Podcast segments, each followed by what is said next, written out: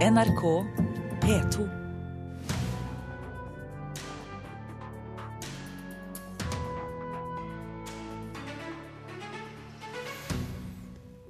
Norske medier utenom NRK sender utallige journalister til de olympiske leker i Rio, men til Paralympics samme sted ingen. Astrid S er Pop-Norges nye yndling, og nå er hun ute med ny musikk og kommer hit til Kulturnytt om ikke så lenge. Og om du ikke vet hva du skal ta, til, ta deg til neste døgnet, hva med å høre på Forbrukerrådets opplesning av app-vilkår minutt for minutt? Og så skal vi selvfølgelig gratulere Bob Dylan med 75-årsdagen i dag mot uh, slutten av uh, sendingen. Norske medier sender ingen journalister til Rio for å dekke Paralympics. Svenskene sender derimot 18.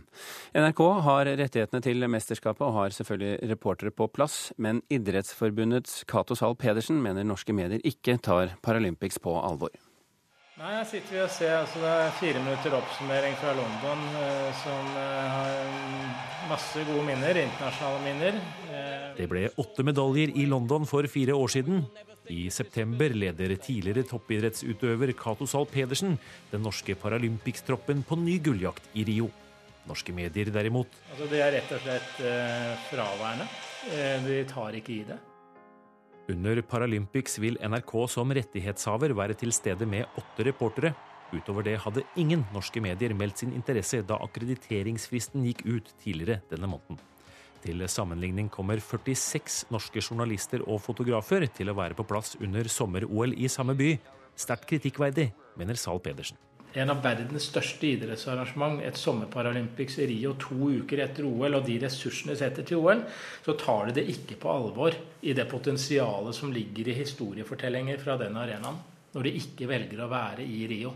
Vi skulle gjerne vært til stede på Paralympics, men vi har eh, prioritert andre mesterskap. Det sier nyhetssjef Håkon Boru i Aftenposten.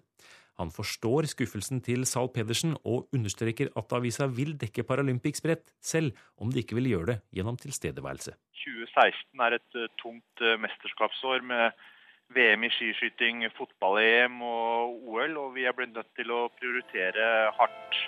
Engelskmennene sa jo 'thank you for warming up' til OL når de starta Paralympics. Ifølge BBC var Paralympics i London i 2012 verdens tredje største idrettsbegivenhet, målt i antall utøvere, deltakende nasjoner og antall land som sendte mesterskapet på TV. Cato Zahl Pedersen påpeker at det gir noe helt annet å være fysisk til stede enn å dekke det hjemmefra. Ifølge ham skal det ha vært norsk presse til stede ved de fem seneste mesterskapene. Og vi har profiler. Sara Louise Rung, Birgit Skarstein, Tommy Urhaug, Aida Dalen, men det er noe av den at hvem er det egentlig? Det, når det skrives så sjelden. og når, Hadde man vært tettere på, så hadde dette vært, bra, vært bra for norsk idrett og norsk toppidrett generelt. At vi skaper historier og skaper bevegelse gjennom gode prestasjoner. This has made London 2012 the greatest Paralympic Games ever. Håkon Boru utelukker ikke at eh, Aftenposten vil kunne sende reportere til neste Paralympics om to år. Samtidig påpeker han at norske mediehus har kuttet kraftig de seneste årene.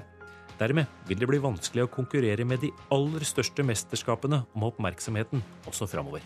Norske medier har jo alltid måttet prioritere, men det er klart at uh, i bransjen vår nå så er det uh, tøffe tider. Og det gjør at disse prioriteringene blir tøffere og vanskeligere. Det er en realitet, eh, selvfølgelig. Alle redaksjoner i dag må prioritere ressursene sine mye hardere enn tidligere.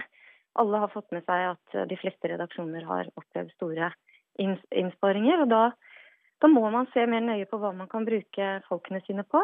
Det sier generalsekretær Kjersti Løken Stavrum i Norsk Presseforbund. Det var det Gjermund Jappé som eh, sa, reporteren vår. Birgit eh, Skarstein eh, med oss i studio fra Bergen. Velkommen til Kulturnytt. Hei, hei. Takk for det. Du er jo utøver og skal til eh, Rio. Hva syns du om at norske medier sender null reportere til Paralympics? Jeg syns jo at det er synd, fordi jeg tror at vi går glipp av veldig mange gode historier fra Paralympics i Rio. Altså, jeg var jo i London uh, i mitt første Paralympics, og det som slo meg der, var hvordan de greide å gjøre mediedekninga Eh, så utrolig tøff og rå. Eh, og der hadde de jo som tema 'Meet the Superhumans', og bygde en stor, stor sak rundt det.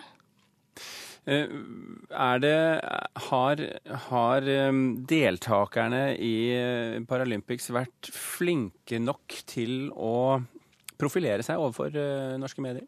Jeg tror at eh, deltakerne og utøverne de er jo mest opptatt av å gjøre det de skal, som er å drive med idretten sin. Eh, og så prøver man jo å formidle hvordan det går, og hvilke verdier spesielt som ligger til grunn. Men eh, vi kan jo si at vi har ikke lykkes godt nok når ikke norske medier finner det interessant nok til å faktisk dra over og dekke det live. Men, men hva, hva, er forskjellen? Altså, norske medier sier at de sender, at de skal skrive om det, men at de ikke kommer til å ha folk på stedet. Hva er forskjellen på eh, artikler eller innslag der reportere faktisk er til stede? Altså Når du skal dele noen ting, så er det jo en fordel å sjøl ta del i det, for å kunne formidle hvordan det er å oppleve det. Eh, og jeg tenker jo at eh, Norsk presse skal jo være med å dele kunnskap og felles verdigrunnlag og historier. Eh, og det å være i det gir en mye sterkere gjengivelse. Altså, Idretten er jo knallgod på fellesskap. Eh, og det er jo lite som samler oss mer enn når vi har de store idrettsbegivenhetene. Altså Når Petter Northug danser over mål, og når Tommy Urhaug slår kineserne som er helt uovervinnelig, eh, og når håndballjentene snor seg fra kamp til kamp til kamp og slåss seg oppover, altså så sitter vi jo er med. Vi heier. Vi sitter i sofaen og roper og krangler om taktikk og hopper opp og ned og er helt med. Eh, og det f.eks. å ha kommentatorer da, som sitter på arenaen, som er der, som kjenner publikum, som ser stemninga, som er en del av alt det som skjer der borte, det gjør jo at den overføringa til Norge blir så mye sterkere. Hvor viktig er det for eh, deltakerne selv eh, med mediedekning knyttet til f.eks. sponsing og finansiering av idretten? Altså For idrett generelt så er det jo kjempeviktig. Altså Det handler jo om å formidle hva vi holder på med, hvilke verdier som ligger til grunn, hvilket arbeid som er der, eh, og hvilket fellesskap vi alle sammen er en del av. Og det er jo ingen hemmelighet at paralympisk idrett har hatt ganske store utfordringer med finansiering. Og da hadde det hjulpet så innmari mye på om man i hvert fall har fått litt mer oppmerksomhet rundt de store prestasjonene som skjer. Birgit eh, Skarstein, takk for at du var med oss i Kulturnytt, og lykke til i Rio. Ifølge straffeloven, paragraf 204a, er straffen for å produsere og besitte en fremstilling som seksualiserer barn, fengsel inntil tre år. Så det nakenbildet du har av meg, det som du har tatt uten mitt samtykke Dette er et uh, minneverdig TV-øyeblikk fra den hyllede serien uh, Skam, som får veldig mye oppmerksomhet uh, om dagen. Og reporter Stine Tråholt, hva er det denne oppmerksomheten dreier seg om? Med denne scenen, det klippet som vi hørte her, så driver man en viktig kunnskap for de unge. Det sa Landsforeningen for seksuelle overgrep til NRK i går kveld. Og nå på sosiale medier så mener mange at denne scenen bør være pensum på skolen.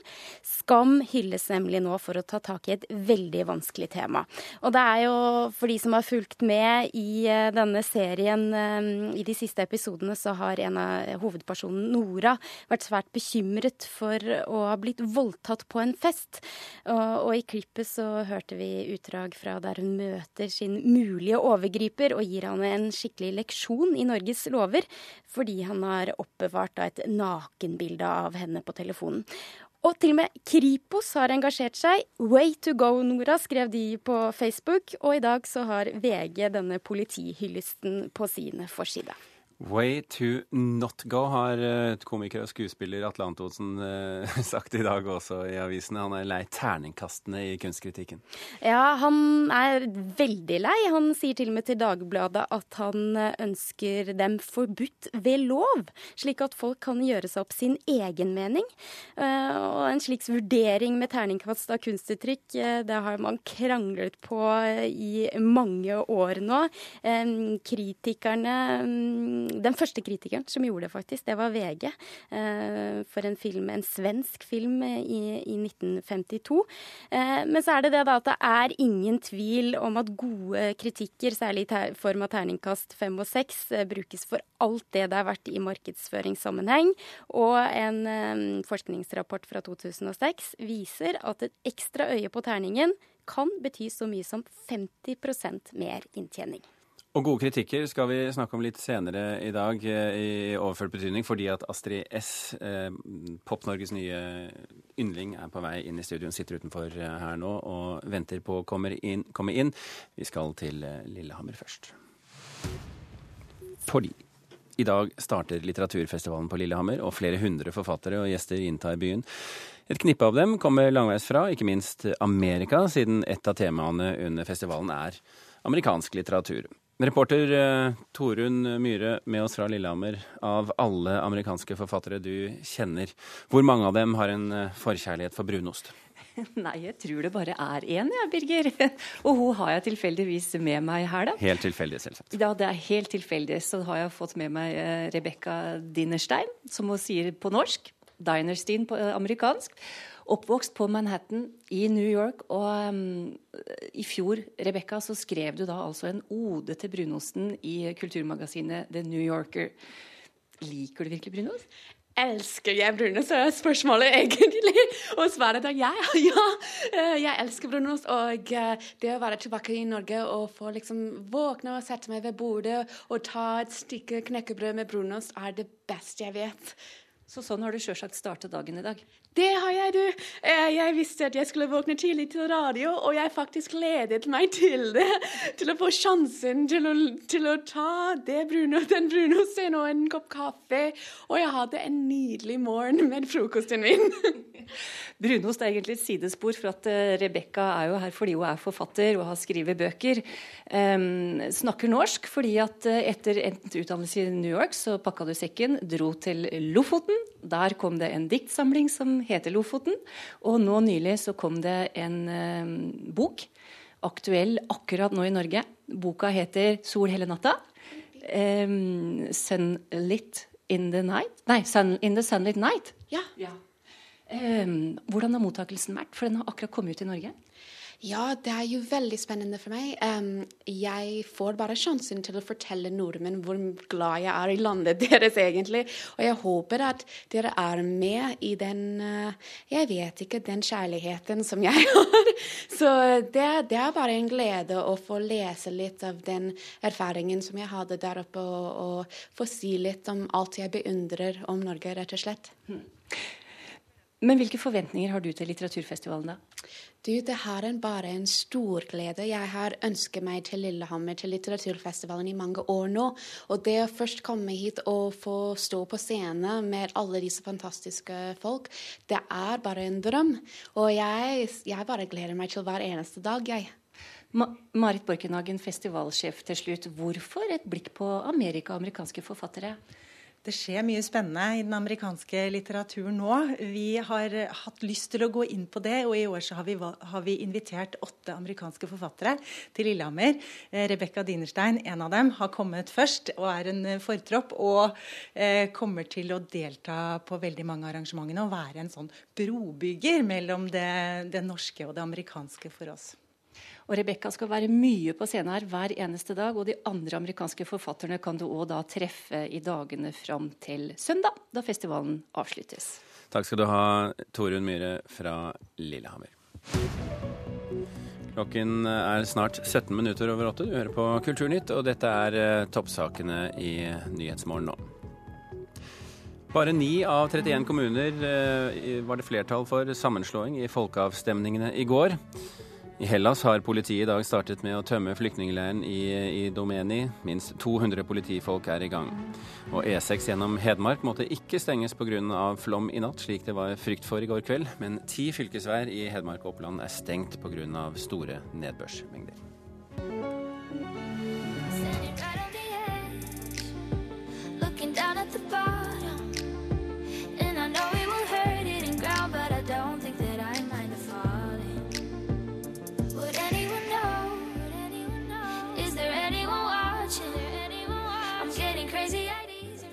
Popbransjen er på kontinuerlig jakt etter nytt talent og friskt blod, og i artisten Astrid S har de funnet begge deler. 19-åringen fra Rennebu i Sør-Trøndelag er nå ute med sin debut-EP, og har en hel sommer foran seg med konserter og festivaler i Norge, Europa og USA. Velkommen til Kulturnytt, eh, Astrid Smeplass. Tusen takk.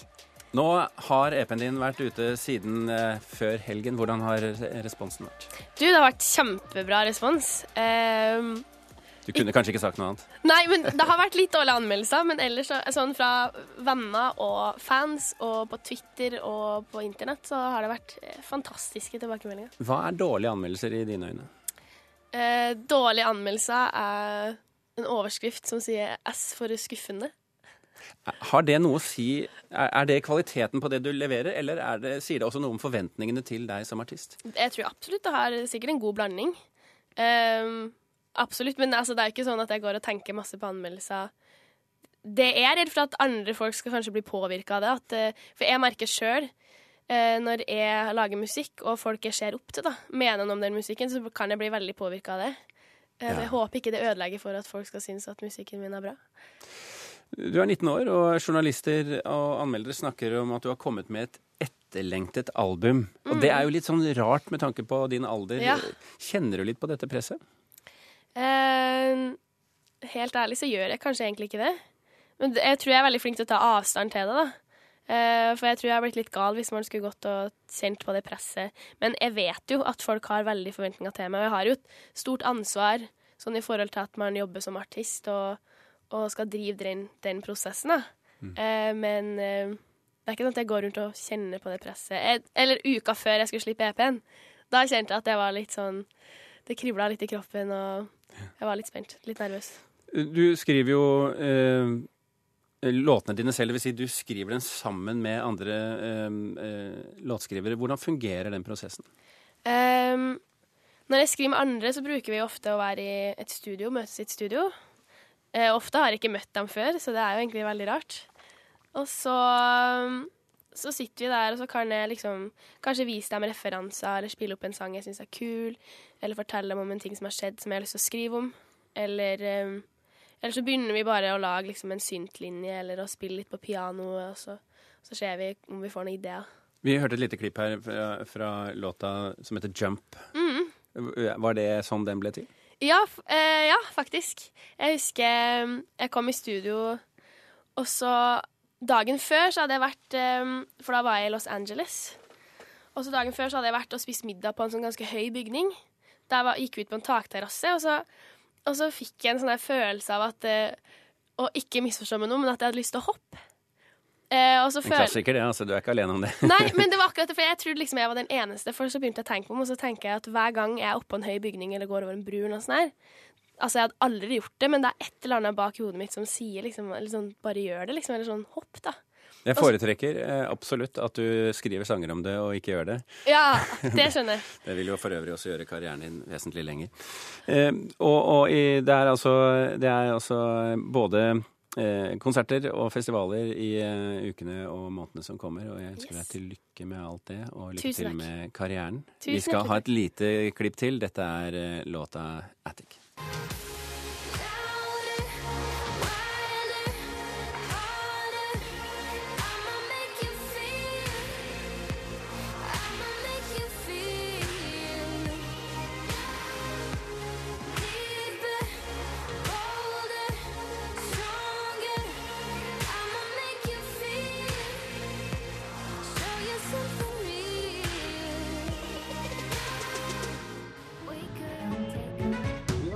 denne avtalen med sin forelder eller rettslig oppnevnt verge for å sikre at barnet og forelderen eller den rettslig oppnevnte vergen forstår den.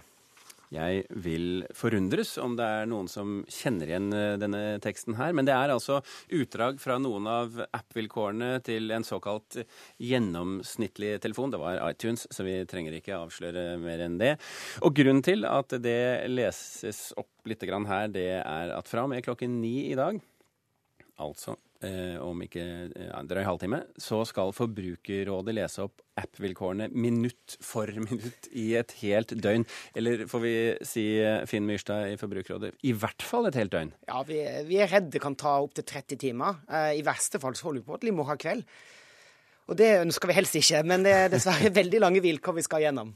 Dere har altså eh, skal altså lese app-vilkårene til iTunes eh, og andre eh, vilkår. Hvorfor gjør dere det? Det vi gjør er at eh, vanlige folk, forbrukere, er nødt til å forholde seg til disse vilkårene hver dag.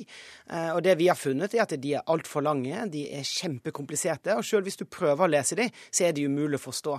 Eh, vi har printa ut 900 sider. Det er mer enn 250 000 år. Det er lenger enn Det nye testamentet. Og det her forventes folk at de skal lese hver dag. Og det er selvfølgelig ikke mulig. Hvordan vil denne opplesingen foregå? Eh, vi kan jo selvfølgelig se bilder av det i hodet, men eh, hvilke folk har du fått med deg til å lese dette? Nei, Vi har vært veldig heldige. Fått med oss eh, alt fra Hadia Tajik og Trine Skei Grande til internasjonale studenter på Universitetet i Oslo, som kommer til å komme ned til kontorene våre i Fred Olsens gate i Oslo. Og skal de lese opp vilkårene etter, på tur. Så vi har gjort det en liten dugnad, og skal ha vel rundt 40-50 mennesker innom i dag og i morgen. Dette skal jo da altså streames, man kan se det på nettet nettet, og det kan altså, eh, folk kan, hvis de ønsker, lenke det opp til sine nettsider og blogger og sånn. Men vi må jo nesten forvente at dette blir verdens dårligst observerte TV-sending. Ja, det, det, regner jeg med. Jeg regner med at folk faller fra i løpet av ti minutter kvarter. At de rett og slett sovner. For disse vilkårene er jo helt uforståelige. Men det er også grunnen til at vi gjør det, for å vise nettopp hvor håpløse disse vilkårene er. Og få litt fokus eh, på det. Men jeg har tatt med tannbørsten min og regner med å sove på kontoret i natt. Men det er altså en annen ting her. fordi at det, dette gjør dere ikke i et vakuum. ikke sant? Dere gjør det fordi dere forventer eh, noe av det. Og hva er det dere forventer? Ja, vi sier kravt at disse selskapene som lager disse appene, lager mye kortere og forståelige vilkår. Vi forventer at bransjen tar seg sammen, og vi har utfordra IKT-bransjen i Norge, som er mye bedre enn den internasjonale. Men vi utfordrer også de internasjonale aktørene til å skjerpe seg. Og det har vi heldigvis sett noen forbedringer på i det siste. Du får sende lenken til Facebook og eh, Apple og de andre. Vi legger det ut, eh, og så legger vi ut streamen på forbruker.no om kort tid. Eh, Finn Myrstad, tusen hjertelig takk for at du kom til eh, Kulturnytt, og lykke til med dette prosjektet. Vi går til et helt eh, annet opplegg, nemlig Bob Dylan. I want you. I want you. I want you so bad. Honey, I want you. Dette er en kjent og kjær stemme for veldig mange. I dag fyller musikeren og poeten Bob Dylan 75 år gammel. Og hvis du hører på Bob Dylan Kulturnytt på NRK P2, gratulerer med dagen. Det blir bl.a. markert ved å ta Dylans sang, altså denne her, I Want You, og gi den en norsk språkdrakt. Språkdrakt. Og da høres det sånn ut.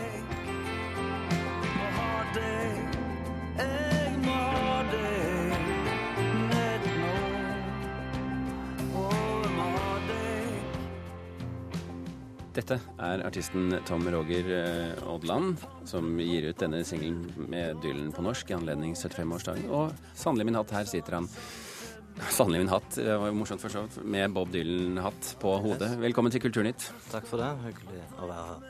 Og for de som hører på radio, så er det også med gitar i fanget. Så får vi se hva vi rekker i løpet av de neste minuttene, om vi får eh, litt musikk også, Oddland. Først av alt, og mm. selv om det er et uh, langt svar i kjølvannet av dette spørsmålet, prøv å gjøre det kort. Hvordan vil du karakterisere jubilanten? Uh, tidløs er vel det første ordet som jeg kommer på. På debutplata i 62 så hørtes han ut som en 60 år gammel mann med sprukken stemme og, og levd liv.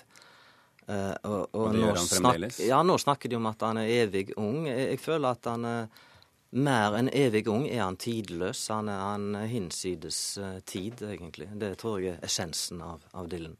Men trekker han nytt publikum, eller er det å si, unnskyld uttrykket, oss gamlinger som mm. uh, følger ham uh, mot alderdommen? Nei, nå har jeg vært på en del Dylan-konserter. Ikke 200, som mange jeg kjenner, men i alle fall en 8-10. Og det er minst tre generasjoner på Dylan-konserter. Det er masse 20-åringer som plukker opp eh, Dylan. Det her tror jeg har noe med ærligheten og, og, og måten han uttrykker seg på som appellerer til, til, unge folk. Hva er det ved, ved Dylan som fascinerer deg? Du, det er jo en stor katalog å ta av etter hvert. Mm. Det er vel mest det at han er så mangefasettert og så eh, vanskelig å, å bli klok på. Han har mange innfallsvinkler. Han er, han er pop, han er poet, han er konservativ og radikal. Egentlig, han er som en ja, glinsende, mangefasettert objekt som en kan der en retter lyset, blir det reflektert i en eller annen retning som du ikke kanskje var forberedt på. Men det begynner å bli en veldig stor katalog for folk som skal kaste seg inn i det på, for første gang. Mm. Det, gjør det ting vanskelig? Nei, jeg syns vel uh, altså Å vite hvor man skal starte, rett og slett? Nei, jeg tror ikke det. Jeg skal ikke gjøre det nå. Men hvis noen spurte meg om de ti beste Dylan-låtene, så hadde jeg ikke brukt lang tid på det. Hadde jeg kanskje svart annerledes dagen etterpå, men, eh, men altså, de store Dylan-låtene, de er jo klare, tenker mm. jeg. Du skal eh, ha Dylan i norsk språkdrakt. Det blir eh, en singel som slippes i dag. Det kommer et album eh, til høsten. Mm, stemmer. Skal vi få en liten smakebit til slutt? Jeg tror vi rekker det. At du spiller litt ut mens vi runder av Kulturnytt, så skal du få lov til å gjøre det. Um, hva. Da blir det vel den låta, eller har du en annen? Kan godt gjøre litt mer av 'Jeg må ha det'. Jeg syns jo det passer an på en sånn en dag. Ja. Poplåt som begynner med en begravelsesagent. Da takker jeg Tom Roger Odland, og så sier Kulturnytt eh, Lisa Stokke og Birger Kålsrud Aasund takk for seg. Og så får Odland i anledning Bob Dylans 75-årsdag ta oss ut. Gravferdsmannen angrer seg, organisten vil en ensom veg. Saksofonene av sølv, ber meg gi slipp på deg. Hver brosne bjølle, hver blasselyr håner meg for min utyr. Men jeg blei ikke født om noen trur til å gå glipp av deg. Jeg må ha deg, jeg må ha deg, jeg må ha deg. Hør flere podkaster på nrk.no podkast.